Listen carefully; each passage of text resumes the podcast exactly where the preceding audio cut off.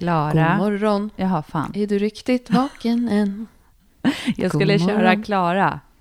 Ja, Ja, jag vet. Klara. Det var jättesvårt när Caroline var med i vår podd. För jag visste inte hur jag skulle börja podden. För att jag var så van vid att du säger mitt namn. Ja, och nu sjöng du någon typ av sång. Det innebär, innebär det att du är utvilad och tillbaka från semestern, eller?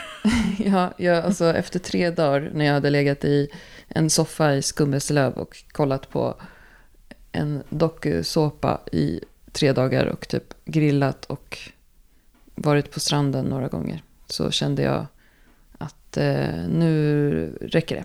Ja. Eller det är, mer, det är det jag behöver. Ja, det var så roligt för det var ju liksom, det var verkligen duktig. Du checkade verkligen ut. Jag måste ändå berömma dig för det. Jag trodde att jag skulle få kämpa lite mer. Eh, sen så, och sen bara från, från den ena dagen till den andra, då bara... Och så bara kom det så här, eh, vad heter det, jobbmeddelande, alltså jobbmeddelande, positiva saker, så här härliga planeringar inför hösten och så bara, jag tänkte på det här och det här och det här. Mm. Och så bara la upp det här och det här. Och, så, och sen var jag ju körd i sociala medier. så jag gjorde ändå ett jobb några dagar, sen fick det vara nog tyckte du. ja. Alltså, men det, Men man har ju olika arbetsuppgifter i ett Jag företag. vet. Och eftersom jag jobbar med våra sociala medier varje dag så är ju det som att eh, gå in och bocka av saker för mig. Jag vet, jag vet. Och det är så himla roligt, för för mig är det verkligen så här, du vet jag bara till Anton så här en morgon, jag bara, okej älskling, nu ska jag göra ett inlägg här. Så nu tar du och går iväg typ. Han bara okej. Så skrev jag så här inlägget och så, så skulle Mm. jag kopiera in det liksom för att jag skrev det så här när jag, in- alltså jag skulle filma lite övningar och sånt och så skulle jag träna. Och så Mm. bara hade jag skrivit inlägget, nej och så raderade jag det för jag hade lagt i anteckningar. Då höll och då höll jag på att bli så här, nej, du vet, ja men så är det. Men det är jättebra. Du, var ju, du, har, det där, du är så roligt för du gör ju det där på typ... Ja, ja. Det tar tio sekunder. Ja. Jag gjorde ett inlägg när jag satt på och åkte tåg mellan eh, Halland och Göteborg häromdagen. Ja, men jag Eh, i vet. några och sekunder. jag är så här, att nu måste jag planera. Jag hade gjort en så här plan. Jag hann Mm. inte genomföra hela planen för du kom in lite tidigare än jag hade tänkt. ja, ja. Men vi har, bra, vi har olika uppgifter. Ja, och vi hjälps åt. Ja, men det är härligt. Men det, det var inte det viktiga. Det viktiga var ändå att du skulle känna att du fick checka ut. Och att inte behöva gå in eller någonting och göra något eller svara och sådär. Ja, precis. Mm. Fast grejen är, det känner jag ju aldrig. Jag känner ju aldrig att du och jag har något krav på att... Nej, ja, nej. Det är bara att det där, du gör det så, alltså det är så, för dig är det så easy going. Jag måste mer så ställa en klocka för att gå in och titta. Jag är lite mer sådär fyrkantig. Mm. Ja, men jag, jag har ju levt i den digitala världen sen... Tror att jag startade en blogg 2005. Och Mm. sen så har jag jobbat med att skriva sen 2001. Både på eh, tidskrifter, PR-byråer och i film. Och sen eh, så har jag själv använt sociala medier eh, sen dess. Sen urminnes alltså, tider. Ja, och det, är, det, och det är klart att det är jättemycket träning. Jag hade ett jobb ett tag när jag jobbade som redaktionssekreterare på ett eh, designtidningsförlag. Då skrev jag alla notiser i tidningarna. Och då blev man tvungen att skriva på 140 tecken, vilket är som en tweet. Om liksom en ny lampa eller någonting. Och då lärde jag ju mig hur man så här fick med eh, tillverkare, designer, färg, var den finns. Alltså på en väldigt kort text. Mm. Och det är klart att det är ett yrke. Alltså det är klart att det är liksom... Du får tänka på att jag har 20 års erfarenhet. Skönt, nu kändes det bra. Du har också 20 års erfarenhet av diverse G-punkts massagejobbare och sånt.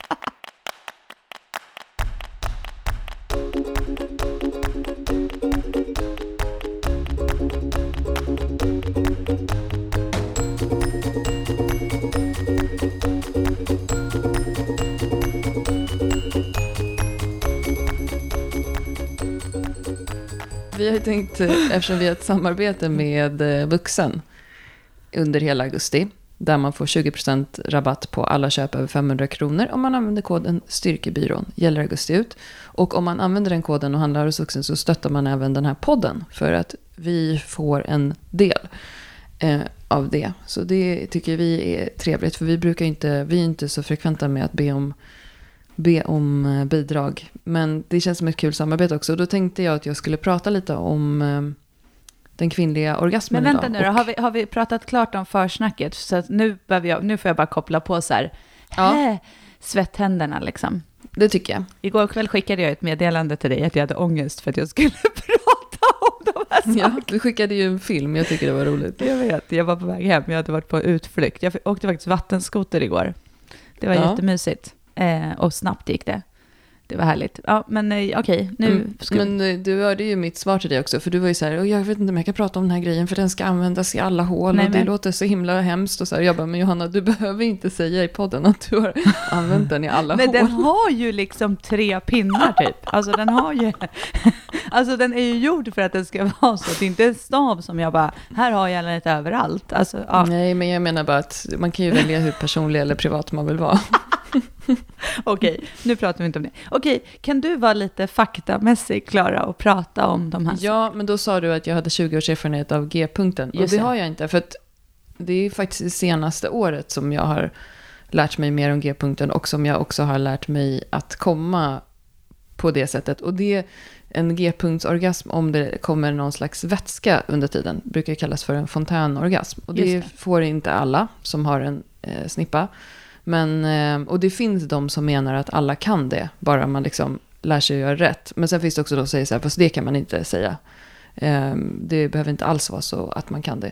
Men jag tänkte att eh, det kan vara bra med en genomgång om den kvinnliga orgasmen. För att jag hänger ganska mycket i en grupp som handlar om underliv på Facebook som jag tycker är rolig. Det är väldigt mycket foliehattar i gruppen dock. Det är så här frys in kokosolja mot bakteriell vaginos och sånt där. Och stoppa upp. Och Mm. sånt tycker inte jag.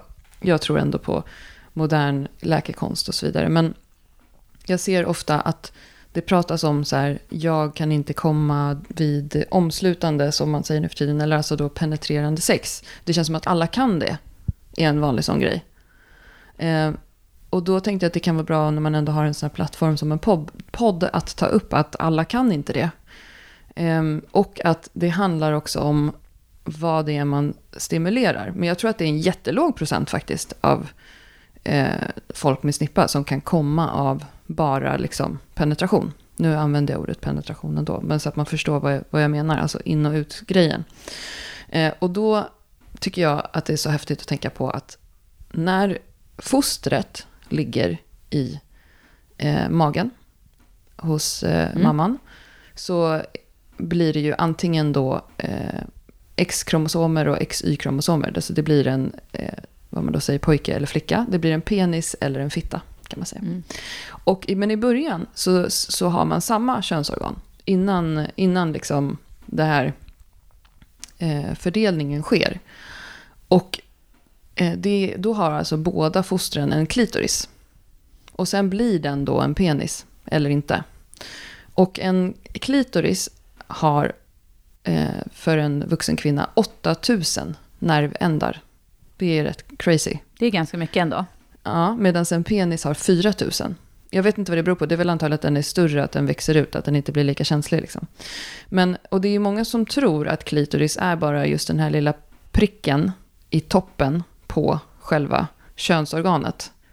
Man får titta på en sån här anatomisk karta om man inte förstår vad jag menar. Och att det är... ehm, vi, många kvinnor upplever att det är bara, man kan bara komma om man stimulerar där. Jag har sett någon som uttryckte det som rulla bäret. Det tycker jag är lite obehagligt. Ja, det låter lite Eh, oskönt. Men alltså att man onanerar med liksom en extern stimuli. Men eh, det är faktiskt så att klitoris går ungefär som en... Eh, Hästsko. det är svårt. Ja, exakt. Gud, bra Johanna. Det är Jag svårt vet, att illustrera. Jag är. Går ungefär som en hästsko. Eh, och den finns även då på insidan. Och det som man har kallat för G-punkten i alla år och sådär, det är klitoris på insidan. Och den brukar kännas om man stoppar in fingrarna eh, i liksom slidan och sen så gör man ett eh, kom hit-tecken med fingrarna.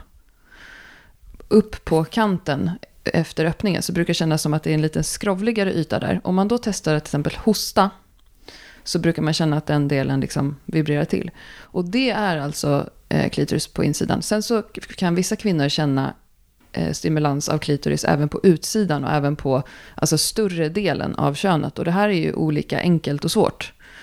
Um, och det ska man ju inte lägga någon värdering i. Men det är alltså där på insidan som, som man också har klitoris. Och då gäller det ju just det här att så här, om jag har svårt att komma vid bara penetration.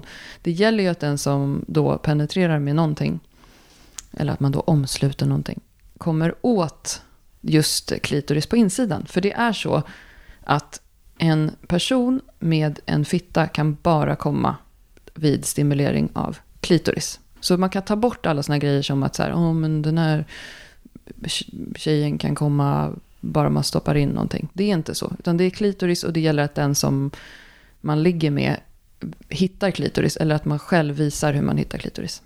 Det man får testa lite. Ja, så man behöver absolut inte känna att det är något fel på en om man är en tjej som ligger med en kille som bara stoppar in någonting ut och in, fram och tillbaka. Det spelar ju ingen roll då om du inte kommer åt klitoris. Nej, så då får man lära den personen vart det är och hur den ska göra, eller så får man köra lite själv. Alltså... Exakt, det, det bästa är ju att lära sig själv först och att hitta de här äh, ställena.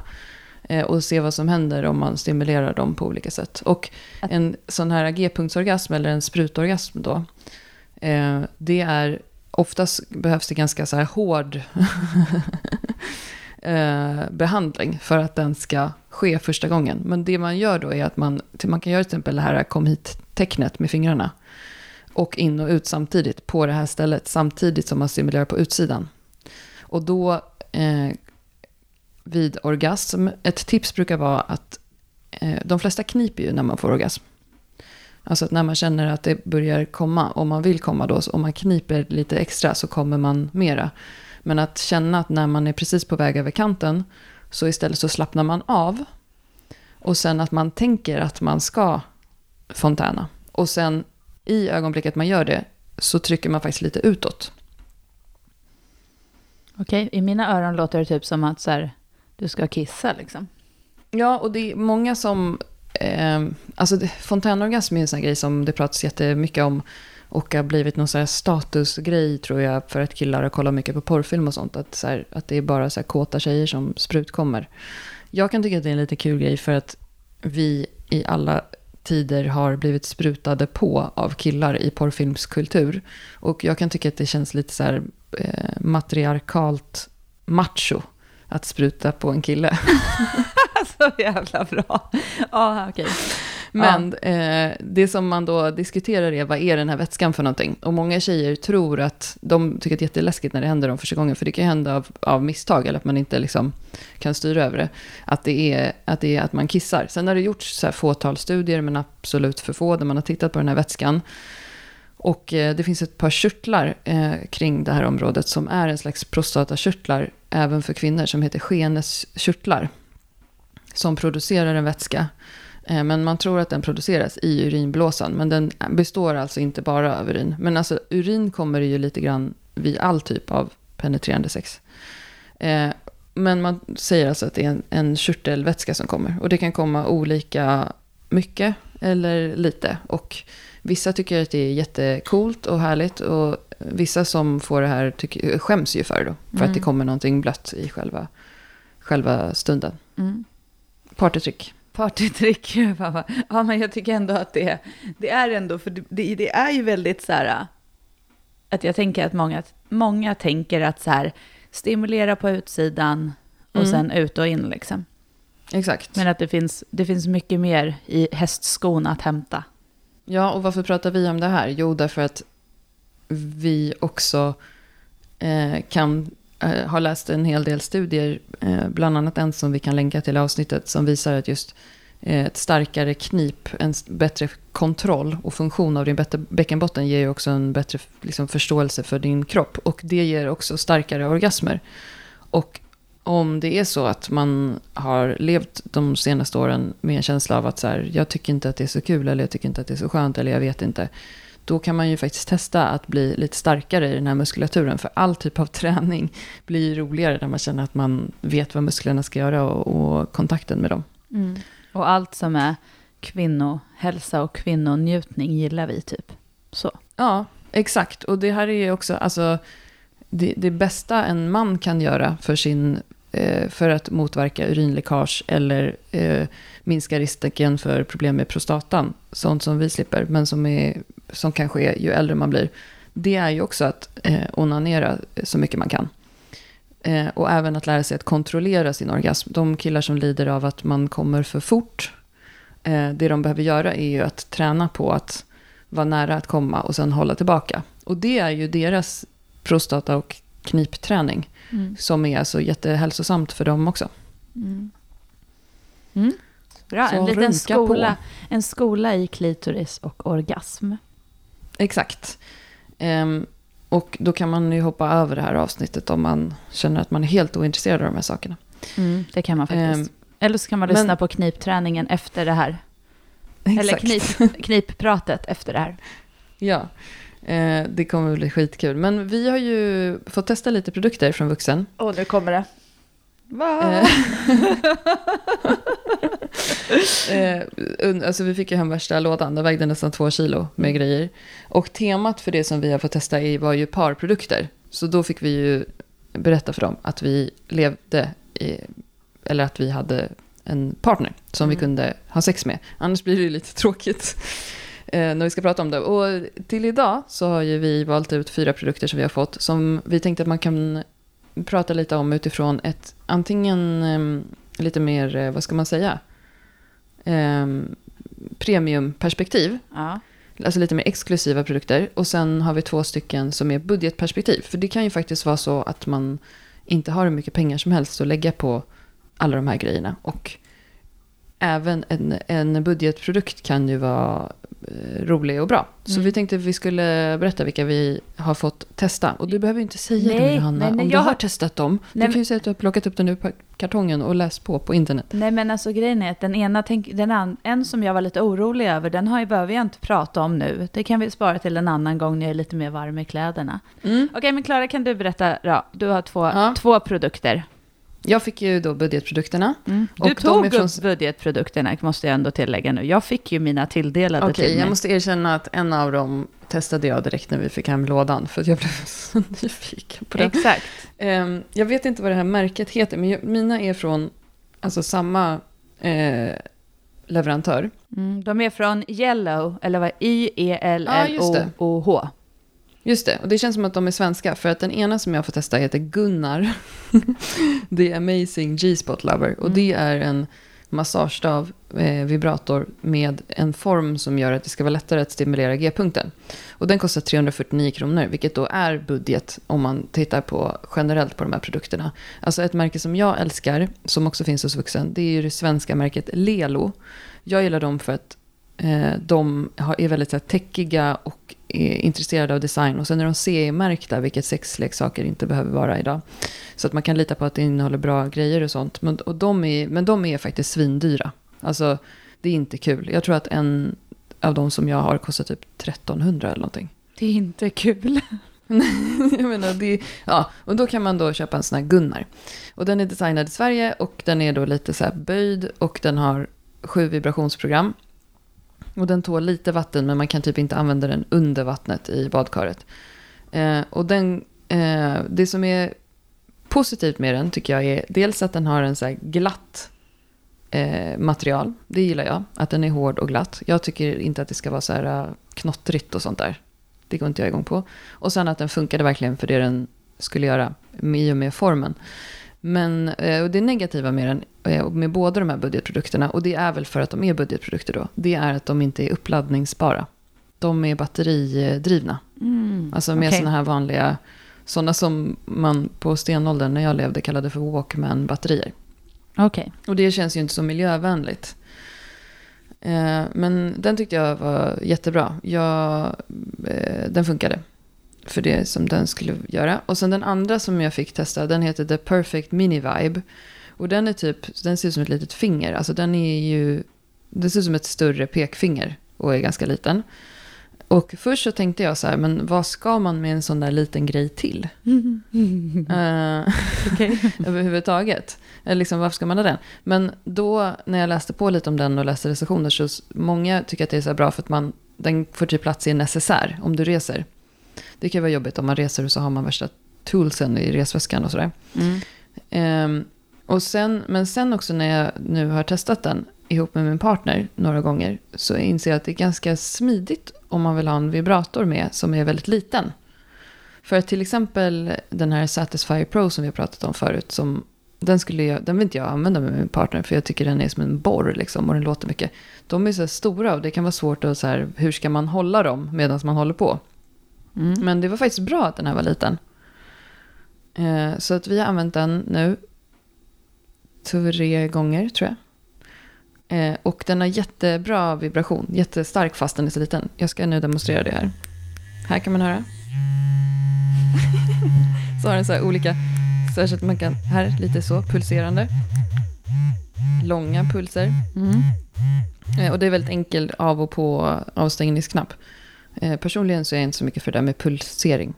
Men ja, så de, de är bra och eh, de negativa aspekterna med budget är väl liksom det man får räkna med om man köper någonting som är budget. Köper man då en sån här Lelo som kostar 1300 spänn, då är det såklart att den inte eh, är batteriladdad. Och sen är de helt vattentäta så man kan använda dem i badkaret och så vidare. Mm. Men de som du har fått då? Oh, nu kommer det. Ja, okej, men och det är ju egentligen på samma, alltså det är egentligen lite så liknande varsina grejer. Ja. Och det, det första då, det är The Perfect Wireless Egg.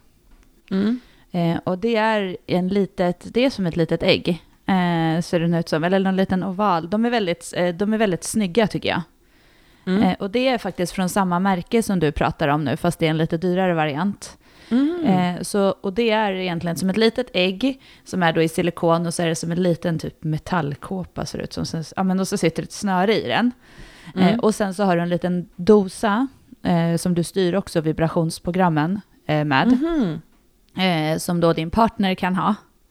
Mm. Eh, och, så, och, och grejen är att den är också så här 100% vattentät, den är uppladdningsbar i så silikon, så den kan du ju använda liksom i badkar och sånt. Eh, så den, den tyckte jag var så här, eh, den var bra. Mm. så, men, eh, och, och så här, den kan du ju använda, det som jag tyckte var grymt med den, den, den var ju också så här jättebra starka vibrationer. Jag tror att i många av de här produkterna är det väl ungefär samma mängd vibrationsprogram. Alltså du har en som är lite mera, det vill säga brukar vara 7 till 10 olika vibrationsprogram. Alltså att det är så här, Mm. du kan välja olika eh, så starka eller pulserande eller sådär. Och, Mm. och den här tyckte jag var så här, först tänkte jag också så här, jaha, den ska, bara, ska den bara vara här inne och vibrera typ eller så. Men dels så kan man ju använda den lite som så här knip, alltså att du har den. Och sen kan du ju använda den i förspelet och sånt, för att då kan den andra partnern styra dosan och vibrationerna.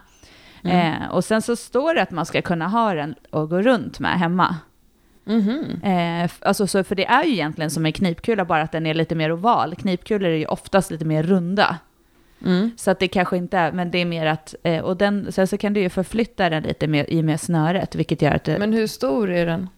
eh, den är, ska se vad, hur, Om du ska jämföra med någonting annat. alltså den, är, den är, har en omkrets på 9,5 på det bredaste stället. Jaha, nej, den är nej. så stor ändå. Ja, precis. Den är längd 6 cm och 3 cm i diameter. Okej, som en valnöt typ. Ja, precis. Så att liksom, den går så. Den är som en liksom oval lång. Mm. Eh, den är eh, eh, diameter 3,3 cm och omkretsen 10,3. Och sen Mm. längd utan snöre är 8,5 cm. Mm. Så det, Så- det, så det är som en liten minivibrator. Som ja. en liten valnöt. Ja, alltså ja, valnötter är väl inte riktigt så stora kanske. Men... Men kanske de inte är. Nej, den är ju Mm. ändå 8 cm. Klara, jag vet inte vad du äter för valnötter. Mm. Men alltså, jag gillar den. Och just att man kan använda den tillsammans. Men också att jag kommer nog använda den här själv som så här knipprodukt. Ja, För då blir det också lite så här knip och eh, njutning. ja men det, det har ju vi pratat om, varför det inte finns fler knipprodukter som har vibration.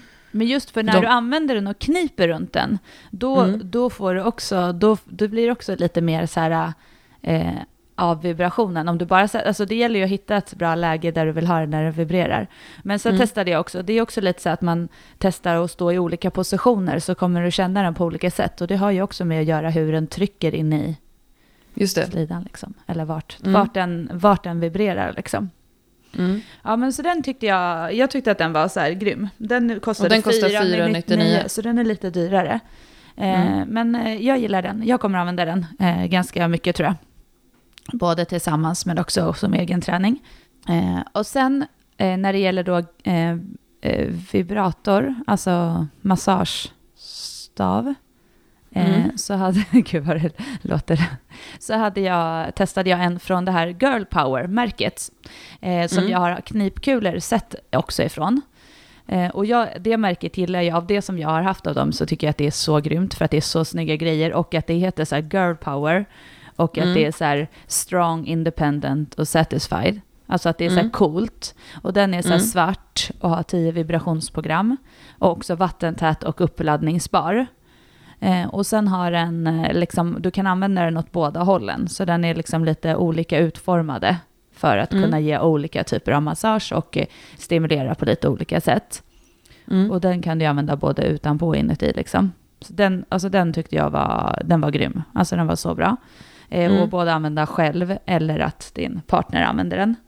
Eh, Och den känns ju premium också. Ja. Med tanke på till exempel att den är 100% vattentät så Ja. behöver man inte oroa sig över det. Nej, och det, det, den, är, den är ju, om man tänker storleksmässigt, så var den, eh, den är, totallängden är 25 centimeter, men du har ju inte liksom hela, den är, du använder ju delar av den kan man tänka. Det står Eh, att den har införbar Ja, längd 14, 14. centimeter, precis, det var det jag var ute efter. Och så omkrets 10 centimeter.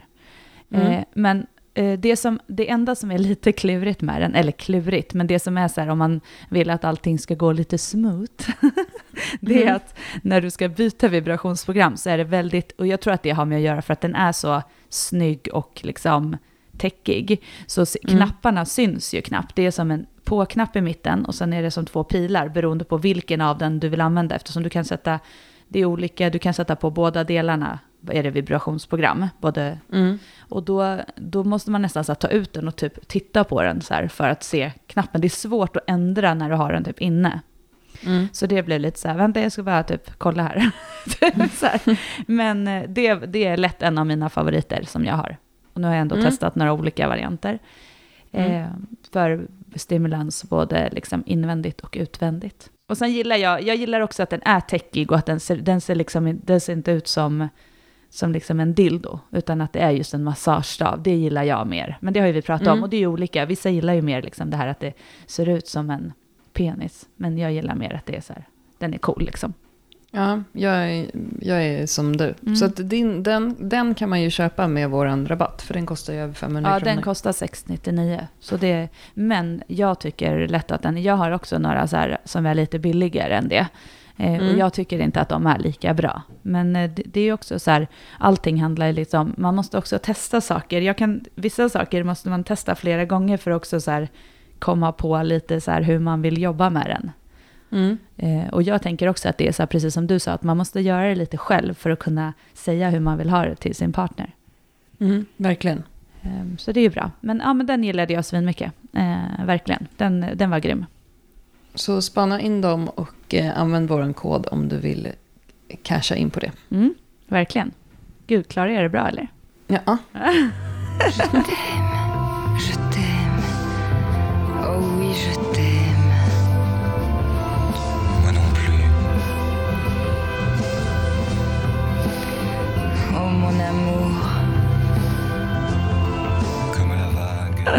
Ja, du. Men du, vad heter det? Nog, nu känner jag mig ändå lite mera eh, avslappnad, för nu har vi gjort det tuffa. Nu, nu ska ju vi prata om mer om knip och bäckenbotten. Mm. För att vi har ju haft avsnitt när vi har pratat om det. Men vi får så mycket frågor och det känns också som att det hela tiden går att prata om det utifrån lite så olika vinklar och också vad, eh, hur, vad man är i för situation. Men Mm. när det kommer till knip och knipträning och ens bäckenbotten så vill ju vi ändå understryka att det alltid är, man måste alltid utgå ifrån vilka krav man ställer på sin egna bäckenbotten.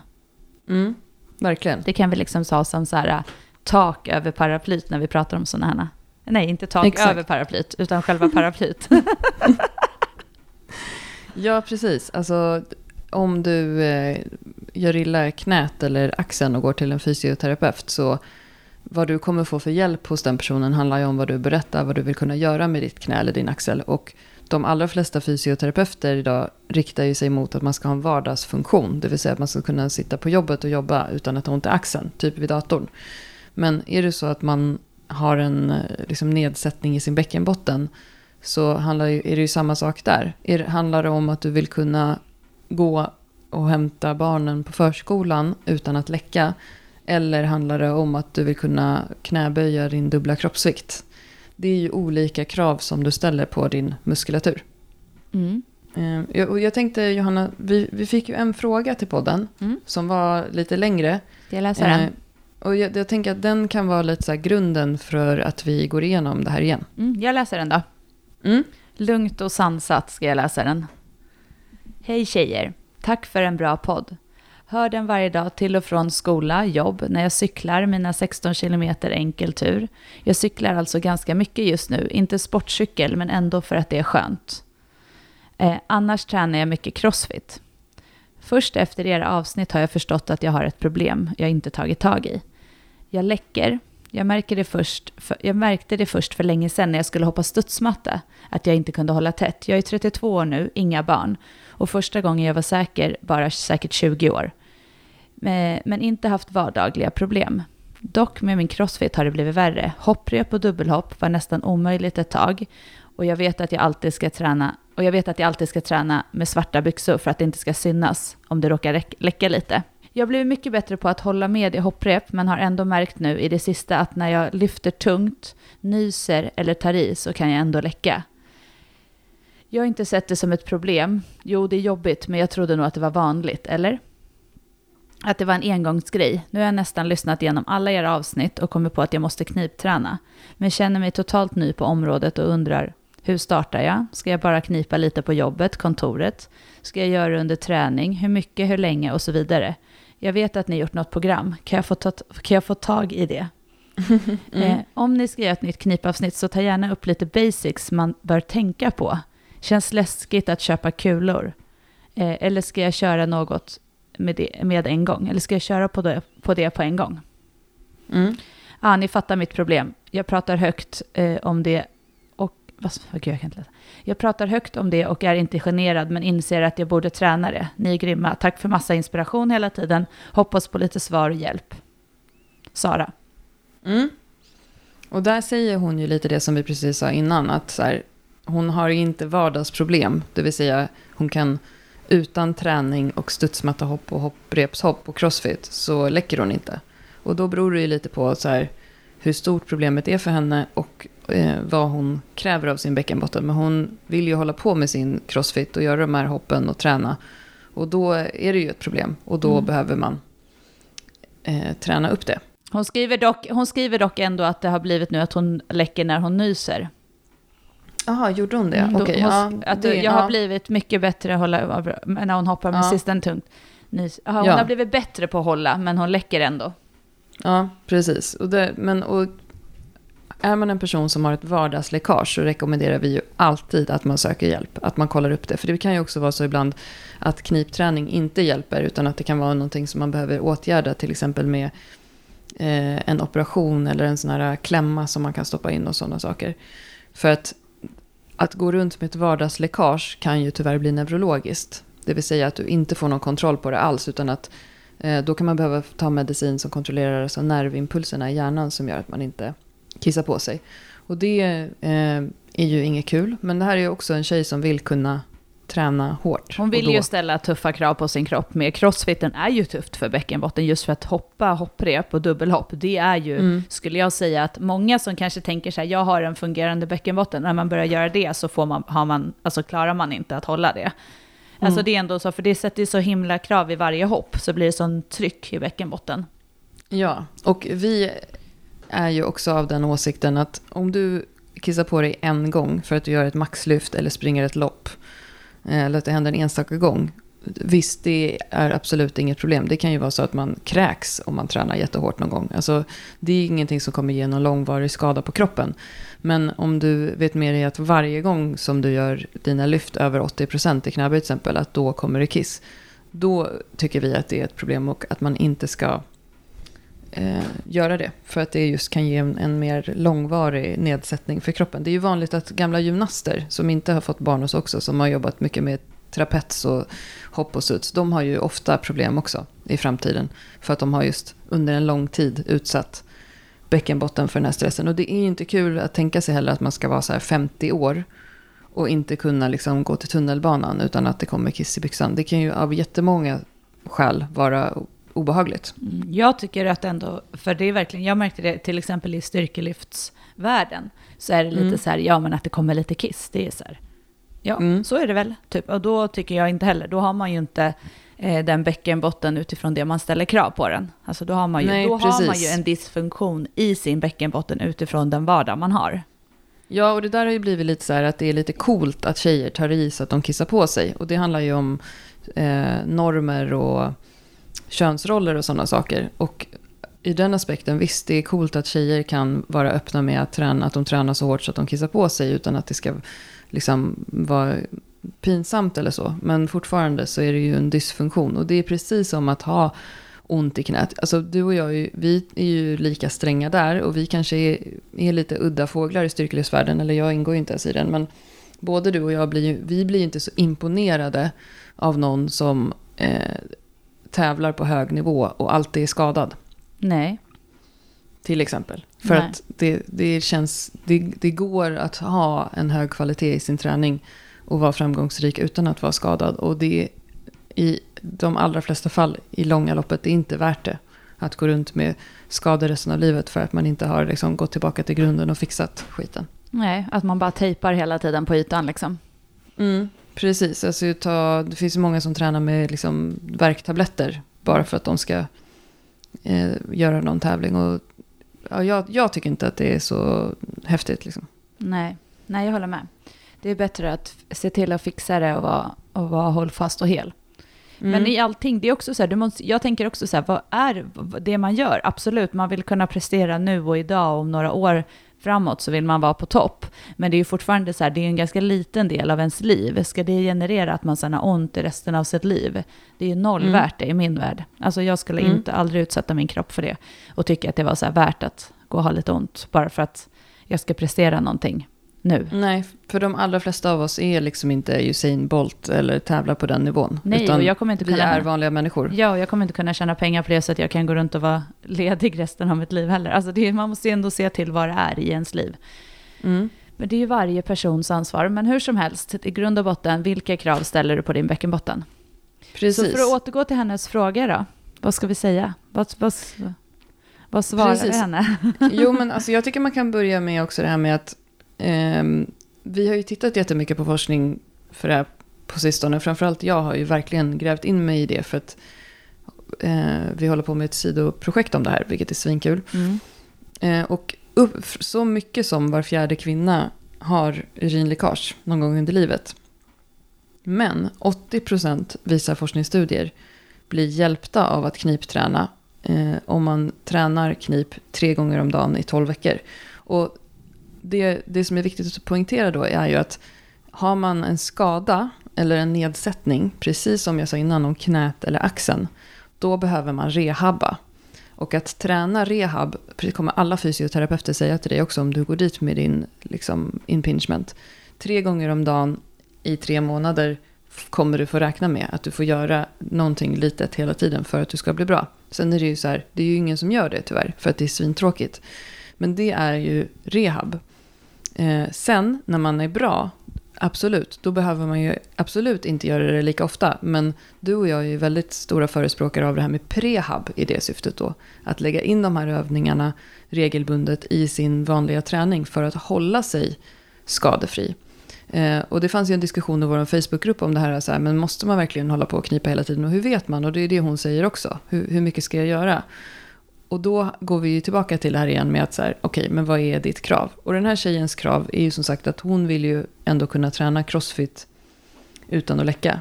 Så att jag tänker att det hon ska börja med är klassisk eh, eh, rehab.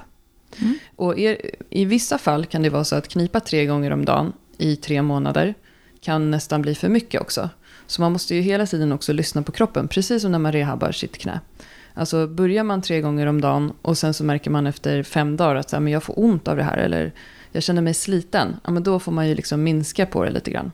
Men just själva knipmomentet och knipövningarna, det behöver man ju inte göra speciellt länge när man väl gör det.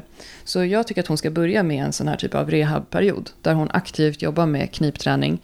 Man kan ju ladda ner, det finns ju jättemånga bra eh, appar. TÄT till exempel som vi har pratat om förut. Som är gjord av forskare på Umeå universitet. Eller en som heter Knipdags.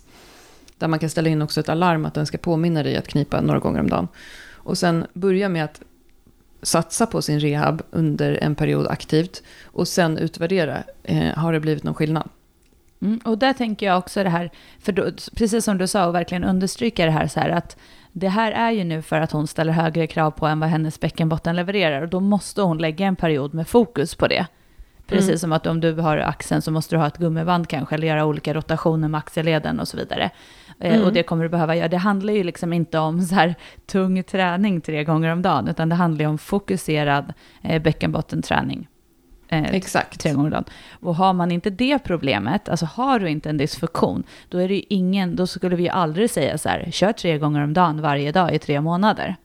Nej, Utan precis. det här handlar ju om för att bygga upp det, det som hon vill kunna eh, få hjälp med, alltså där hon vill kunna vara. Och, Att som inom kost så pratar man om att hitta sin baseline. Mm. Och det är ju lite det, att komma tillbaka till eh, plus minus noll. Liksom. Eh, och om man tittar på den statistiken så blir ju väldigt många hjälpta av det. Och det kommer de också säga om man går och kollar upp sitt knip hos en, en barnmorska eller en fysioterapeut inriktad på bäckenbotten. Om man har läckage, den kommer säga samma sak. Att först, eh, om man då inte har ett fysiskt eh, problem som man kan åtgärda, men först måste du börja med att träna och se om det blir bättre. För det är ju alltid bättre än att göra ett ingrepp precis. på alla sätt. Precis. Att, att bli bra av sig själv. Samma sak som att man inte opererar då en impingement axel om inte personen har aktivt försökt bli smärtfri först. Mm. Eh, och om man pratar om vad vi pratar om när vi menar så här, men jag vill kunna knäböja si och så mycket och så vidare, så är det ju så att bäckenbotten består av flera muskler. Och muskler är ju likadant för alla, eh, alltså musklerna tränar man på samma sätt i hela kroppen.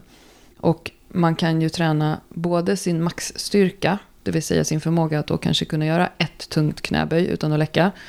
Men man kan också träna uthålligheten i en muskel, det vill säga förmågan att kunna hålla på länge. Så att beroende på då vad man har för kravspec så behöver man träna det på olika sätt. Men man kan ju också träna eh, allting på en gång för att det också eh, kan vara bra. Men det beror ju också då på vad är, vad är målet, vad är syftet. Om du vill bli starkare i ett RM i marklyft, då kommer du behöva träna på att göra ettor, tunga ettor i marklyft. Om ditt mål är att kunna göra så många som möjligt på en jättelätt vikt, då behöver du såklart träna tekniskt på att kunna göra det också. Men det är alltid bra också att öka sin maxstyrka. Och bäckenbotten kan ju då både bli starkare, större, du kan träna hypertrofin i bäckenbotten, eh, men också uthålligare.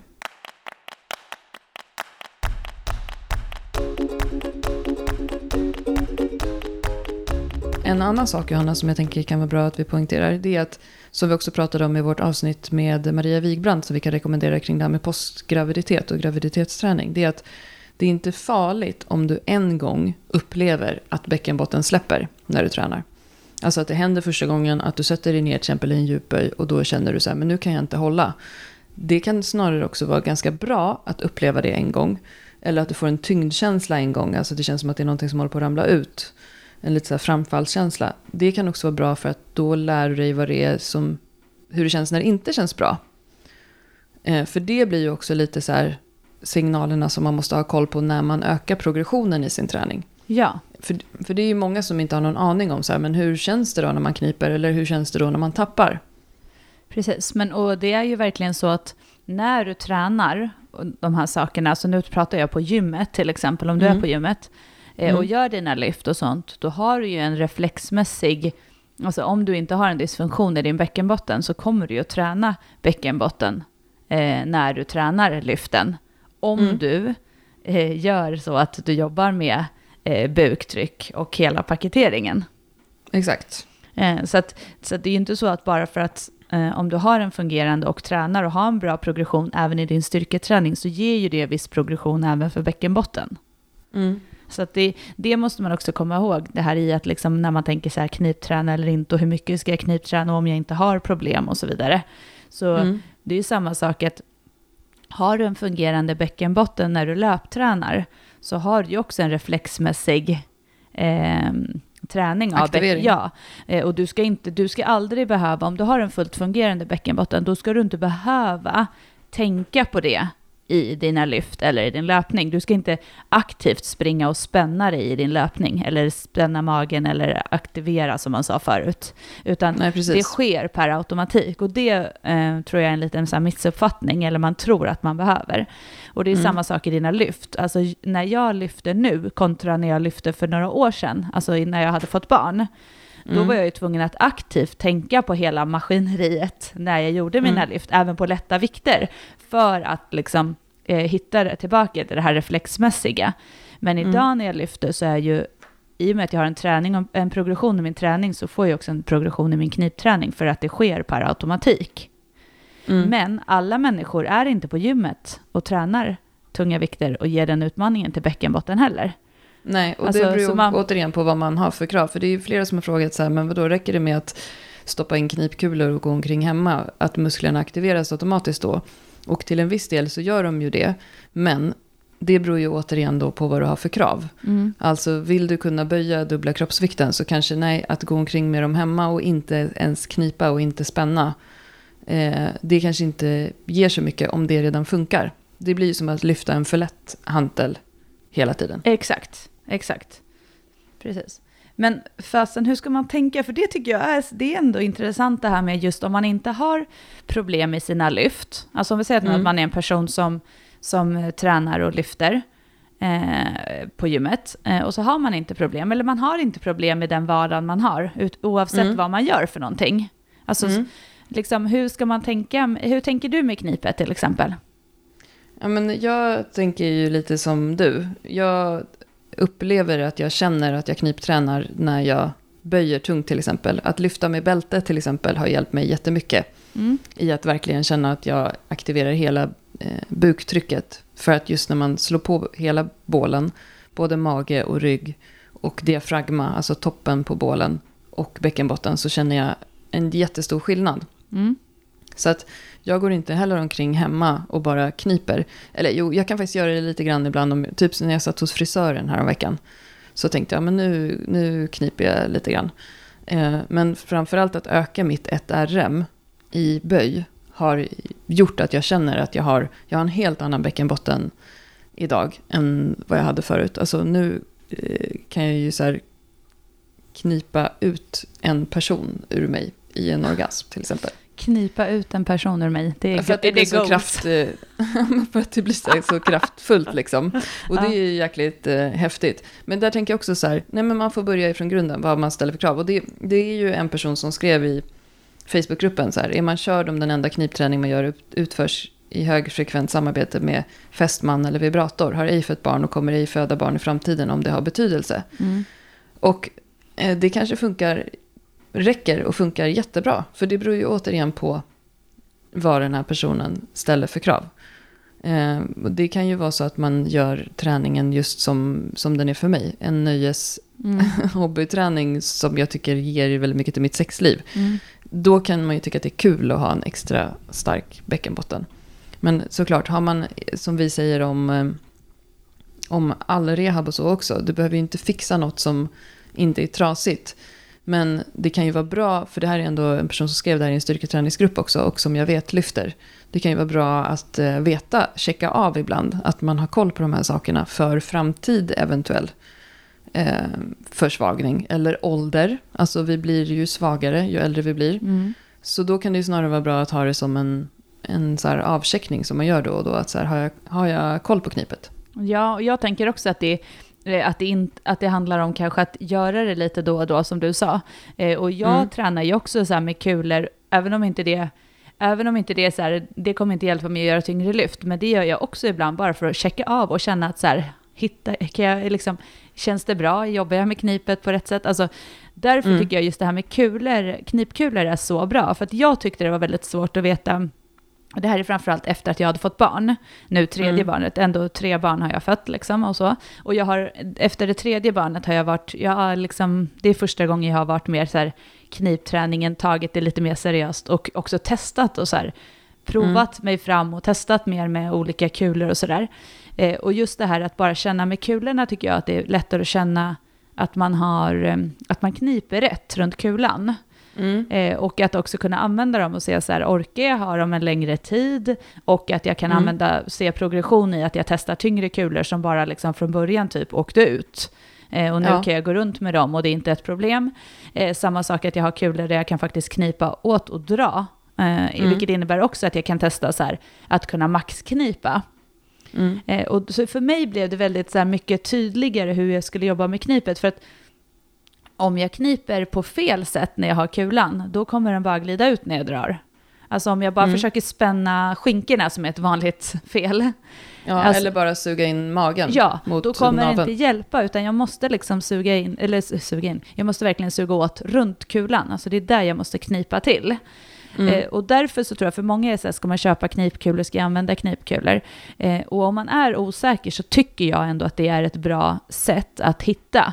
Eh, sen Mm. kan man också ta hjälp, man kan som sagt be sin partner eh, ha ett finger inne, man kan ha, testa att ha ett, eget, ett finger själv inne eh, och Mm. knipa. Men just att känna så här, känns det inte att det händer någonting, då är ju, gör man ju fel.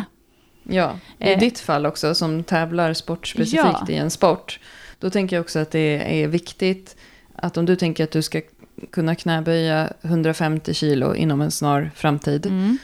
så är det ju viktigt att du har check på den här grejen. För börjar du, skulle du börja nu vid 145 eh, att läcka, då kommer du ju få göra rehab och då kommer det vara ett avbrott i din träning. Så det är precis som, som den här prehaben vi pratar om. att du behöver bara ha check på din prehab så att du vet att så här, men det kommer inte vara något problem. Nej, och därför gör jag det lite hela tiden istället för att lägga in en stöt om jag får problem. Men för den Precis. skull så går jag ju inte och kniper varje dag.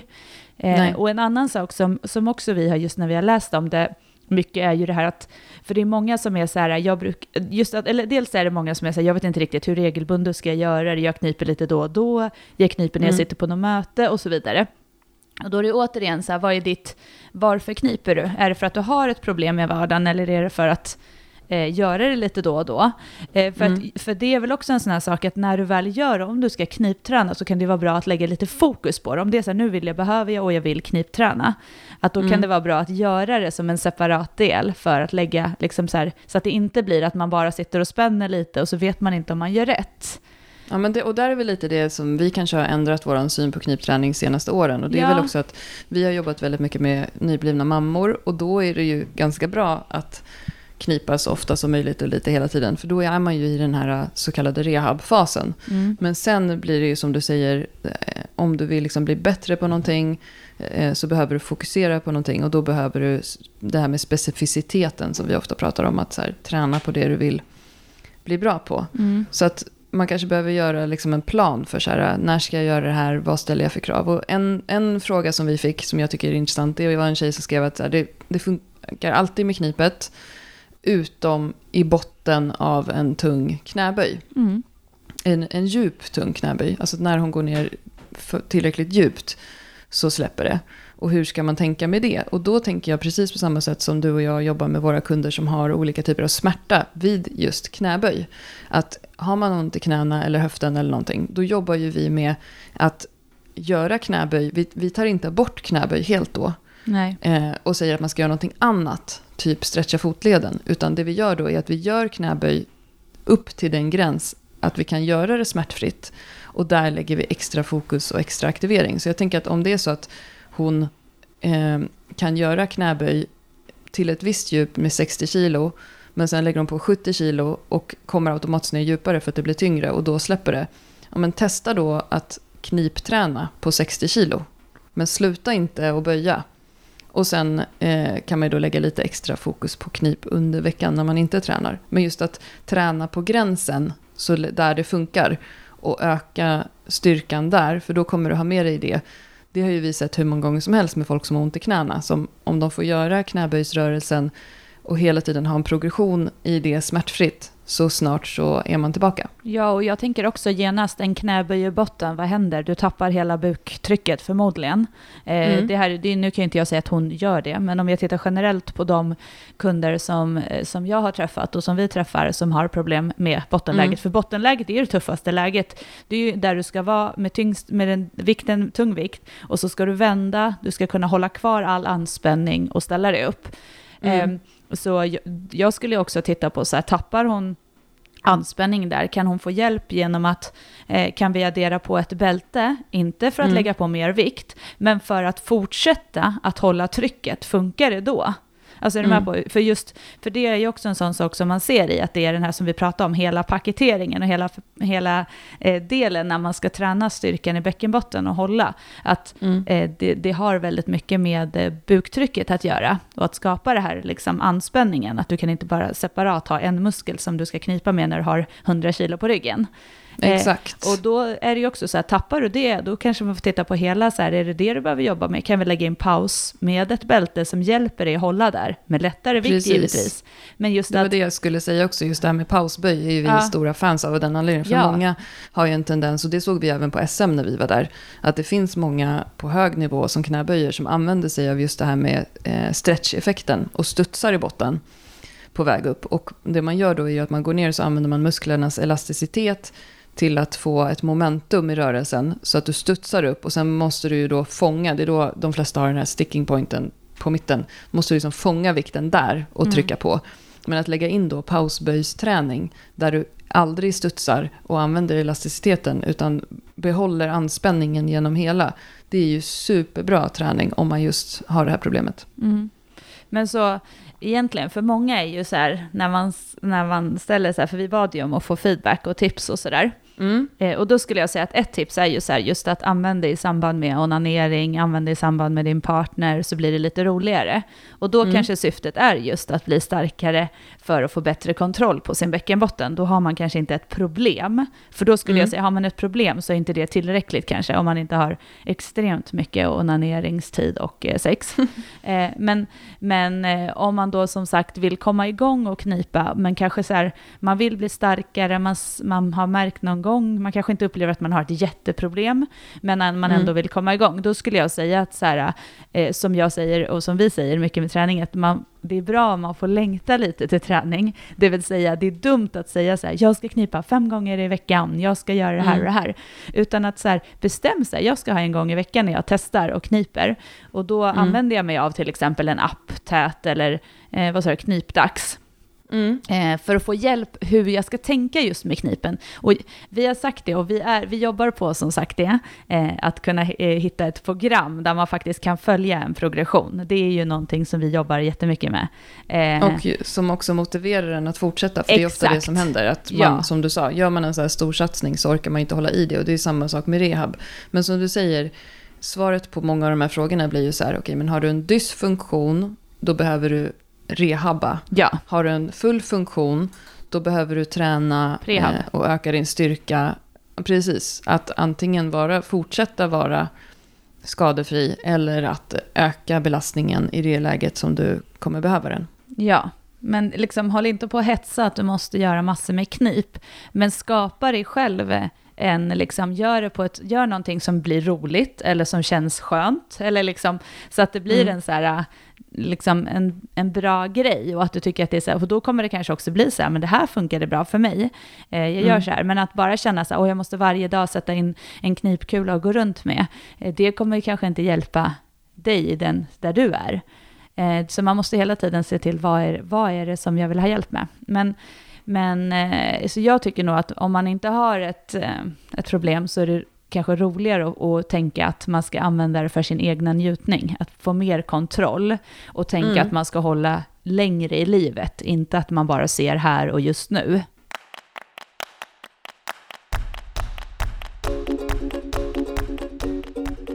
Eh, Ska vi avrunda med att läsa upp de tipsen som vi har fått in från lyssnare Mm, ja, det kan vi göra. Om knipträning? Mm. Här är någon som skriver, jag lägger in knip i min styrketräning som en övning, kör efter appen tät, då blir det i alla fall gjort ett par gånger i veckan. Evelina Wildert eh, skriver, jag är sämst på isolerad knipträning men försöker ha sex så ofta jag kan istället. Glad gubbe. Och där kan man också poängtera att under en kvinnlig orgasm så får man i snitt 3-8 kontraktioner av bäckenbotten.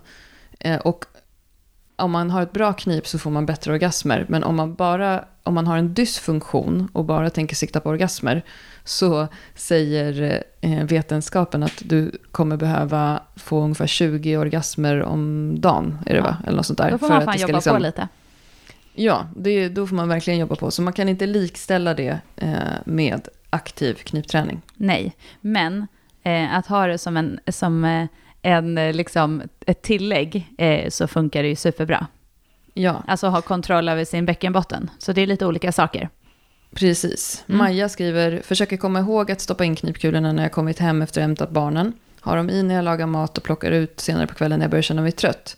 Lyckas göra detta kanske tre gånger i veckan. Köpt viktade kulor så att jag kan se en progression. Och då har hon hittat sin grej. Och hon kanske behöver jobba med sin uthållighet också. Ja, för det där är ju då alltså uthålligheten, ska man ju tänka på. Det är alltså hon har den under en längre tid och Mm. kniper för att de inte ska trilla ut. Och det där, det där vet jag att någon skrev så här, ska man bara knipa eller sätta in dem? Det kommer du märka, kan jag säga. Sätter du in ett par kulor så kommer du märka att du behöver knipa för att de inte ska trilla ut. Precis. Nå- En till skriver just att onani är det roligaste och trevligaste sättet att knipträna på. Det har vi kommenterat. Mm. Här är en person som sätter in pengar i en app varje gång hon har gjort tre gånger tät. Det är roligt. Vänta, får jag bara säga en sak på den då? Det kan ju vara ett sätt om man då har ett problem med sin knipträning. Alltså, eller alltså att om man, eller så, om man har ett problem med sin bäckenbotten så att man vet att jag måste verkligen göra flera gånger om dagen för att det är en rehab. Då tycker Mm. jag att det är ett superbra sätt. Just men att minnas annars att du behöver inte göra det eh, hela tiden om du inte har ett problem. Precis, och här är nästa person som också så här, eh, inte har någon struktur men kniper när hon står vid skrivbordet. Eh, men ofta glömmer bort att använda det. Och återigen, som vi sa innan. Ja, det är flera som tipsar om den här appen Tät, som sagt. Mm. Att den, man kan ställa in påminnelser i den så att träningen blir av. Och det är flera som gör det under möten. Eh, men det är också flera just som frågar så här, men hur kan jag träna med dem då? Och eh, det finns ju inga så här jättebra kniptränings, styrketräningsövningar, utan det handlar ju om att just aktivt knipa när man gör den träningen som man vill kunna göra. Och då eh, ta i med bäckenbotten och känna att man jobbar med den och att den fungerar. Jag tycker det här med, för det är en som skriver här just om det här med kniptul, knip, knip, knip, knipkuleträning och hur man kan tänka. Eh, jag tycker att det är bra att man har knipkulor som man kan använda utan att det syns. Alltså, Mm. du ska kunna ha kläder på dig och ha knipkulor också. Eh, Mm. För att det är bra just för att om du vill träna lite uthållighet eller om du vill testa. Eh, och Mm. också som, vi, som jag har testat en del är ju att göra övningar med knipkulor. Mm. Eh, så här höftlyft och så vidare. Att du då kan ha kläder på dig. Alltså då kan du sätta in, om du ska göra ett litet hemmapass till exempel, prova att sätta in knipkulorna. Eh, och gör knäböj med en kettlebell, se vad som händer. Det är bara, det är så lite kul att testa tror jag. Man, kanske att man måste tänka, våga tänka lite så här, jag provar, det är ingen fara. Om du skulle göra knip, eller med, ha knipkulor inne och så är du hemma och har kläder på dig Mm. och så gör du knäböj med en kettlebell och så, så trillar de ut. Då har du ju någonting att jobba emot. Då kanske du tänker så här, det här vill jag klara av att göra till exempel med en knipkula Mm. inne. Eh, att man Precis. vågar testa, men då är det bra att ha sådana här knipkulor som, in, liksom, som gör att du kan ha dem inne. Så att det är typ någon liten tråd eller att de bara är som du stoppar in och sen har dem där. Eh, Så Mm. att det inte är så något som du bara kan använda när du är naken. Liksom. För då blir det ju också kanske mer klurigt. Precis, och det där är ju samma steg också när det gäller just rehab. Om du kör den här tre månaders knip varje dag för att du har en nedsättning. Om du märker efter fyra veckor att ja, men nu kan jag ligga i sängen och knipa eh, utan några problem, vilket man kanske inte kunde innan. Eh, då är ju nästa steg att byta ställning, att öka avancemanget i knipet. Alltså till Ja. exempel att ställa dig på alla fyra eller att stå upp för att sen göra det i rörelse, för att sen just göra det i, i träning. Så man får tänka på det som en progression på det sättet. Jag, jag vet inte, det, det är ju såklart jätteolika. Jag tyckte och tycker fortfarande att det är lättast nästan att knipa i fyrstående och hitta knipet. Mm. Eh, Så det är också bra att man testar om man tycker att det är klurigt och känna om man har knipet. Att Mm. testa och s- liksom ligga ner på rygg med benen, att med fötterna i, i liksom golvet eller på sängen, lite böjda Mm. ben, testa fyrstående, eh, Mm. testa sidlig, alltså testa lite olika och se så här, vart du hittar, för när du känner hur det känns, när det känns bra, eh, Mm. så blir det lättare att ha det att gå emot när du ska göra, avans- alltså ändra lite, eller stå i Mm. andra positioner. Och då Mm. handlar det ju om de för som tycker det är svårt att veta om de har knipet. Mm. Du, en, sak som jag skulle bara vilja lägga in innan vi avslutar, Mm. en liten snabbing, snabbis, det kan vi prata mer om. Men det är också Mm. att det är viktigt att slappna av i bäckenbotten. Just det, precis. Det finns ju kvinnor som också har smärta och spänningar i bäckenbotten som till och med kan orsaka just urinläckage och också ändtarmsläckage. Eh, det kan man ju, eh, ofta så har man koll på det här om det är så att man att det gör ont till exempel om man stoppar in en tampong, man kan inte använda tampong, eller att det gör ont när man stoppar in fingrar. Ehm, eller att man just känner att man hela tiden går och småskvätter och är lite så här småkissnödig, då kan det ibland vara så att man har överspänd bäckenbotten. Och det här är ju ett ganska nytt område inom bäckenbottenforskning som det kommer mer kring, som också är jättespännande. Då ska man ju inte knipträna. Nej, då behöver man träna på att slappna av. Exakt, och det kan man göra på olika sätt. Det finns jättespännande som jag har nördat ner mig i, så här, amerikanska fysioterapeuter som visar på YouTube hur man kan till exempel massera sin bäckenbotten. Det ska man ju då inte göra om man har för ont. Eh, man kan också gå till en fysioterapeut, finns i Sverige också eh, listade, som är inriktad på just eh, bäckenbotten och få en manuell massage av en sån person. Men man kan också testa att göra stretchövningar för bäckenbotten. Och det är i princip vanliga stretchövningar som eh, när man stretchar höftböjaren eller vad som helst. Man kan använda en tennisboll och eh, mjuka upp muskulaturen omkring bäckenbotten och så vidare. Så det är ett problem. Eh, vet man med sig att man har smärta vid beröring och just de här sakerna, då, då är det inte knipet man ska satsa på. Men jag, tycker, jag skulle rekommendera att man går och söker hjälp då. Så man kan få hjälp med de bitarna, precis. Mm, Mm. precis. Grymt, det var bara det vi ville till- tillägga. Ja, det här är ju ett jättespännande ämne och där vi hela tiden fortbildar oss och läser så mycket vi kommer över. Så att vi kommer definitivt komma tillbaka till det här ämnet. Och om man vill diskutera de här frågorna så kan man antingen gå med i vår Facebookgrupp, Styrkebyrån Community. Eh, Eller så kan man skriva på vårt Instagram. När vi lägger ut det här poddavsnittet så kommer det säkert bli lite diskussioner i kommentarsfältet. Ja, så fortsätter vi att snacka om det. Vi kommer aldrig sluta att snacka om kvinnans bäckenbotten, och kvinnlig bäckenbotten och knipträning och hela den här eh, njutningsbiten. Det gillar vi. Precis. Eh, Så att, ehm, tack vuxen för att ni eh, peppar oss med att sponsra den här podden. Ja, verkligen. Så eh, Styrkebyrån är rabattkoden på vuxen.se. Augusti ut. Eh, 20% på hela ditt köp eh, om du handlar över 500 kronor och använder koden. Mm. Grymt. Ha det så jättebra. Vi, vi hörs om en vecka. Ja, det gör vi. Puss hej! Hej.